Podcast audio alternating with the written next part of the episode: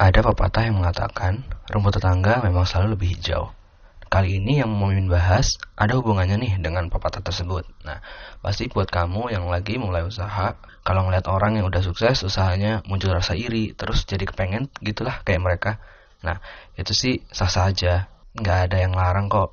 Tapi, daripada timbul rasa iri gitu, mending kamu cari tahu deh. Gimana sih dia bisa sesukses sekarang? Gimana sih dia bisa sampai kayak sekarang? Nah, daripada berlarut dalam rasa iri, lebih baik kamu perbaiki diri dan terus berkembang sampai kamu bisa lebih dari dia. Oke?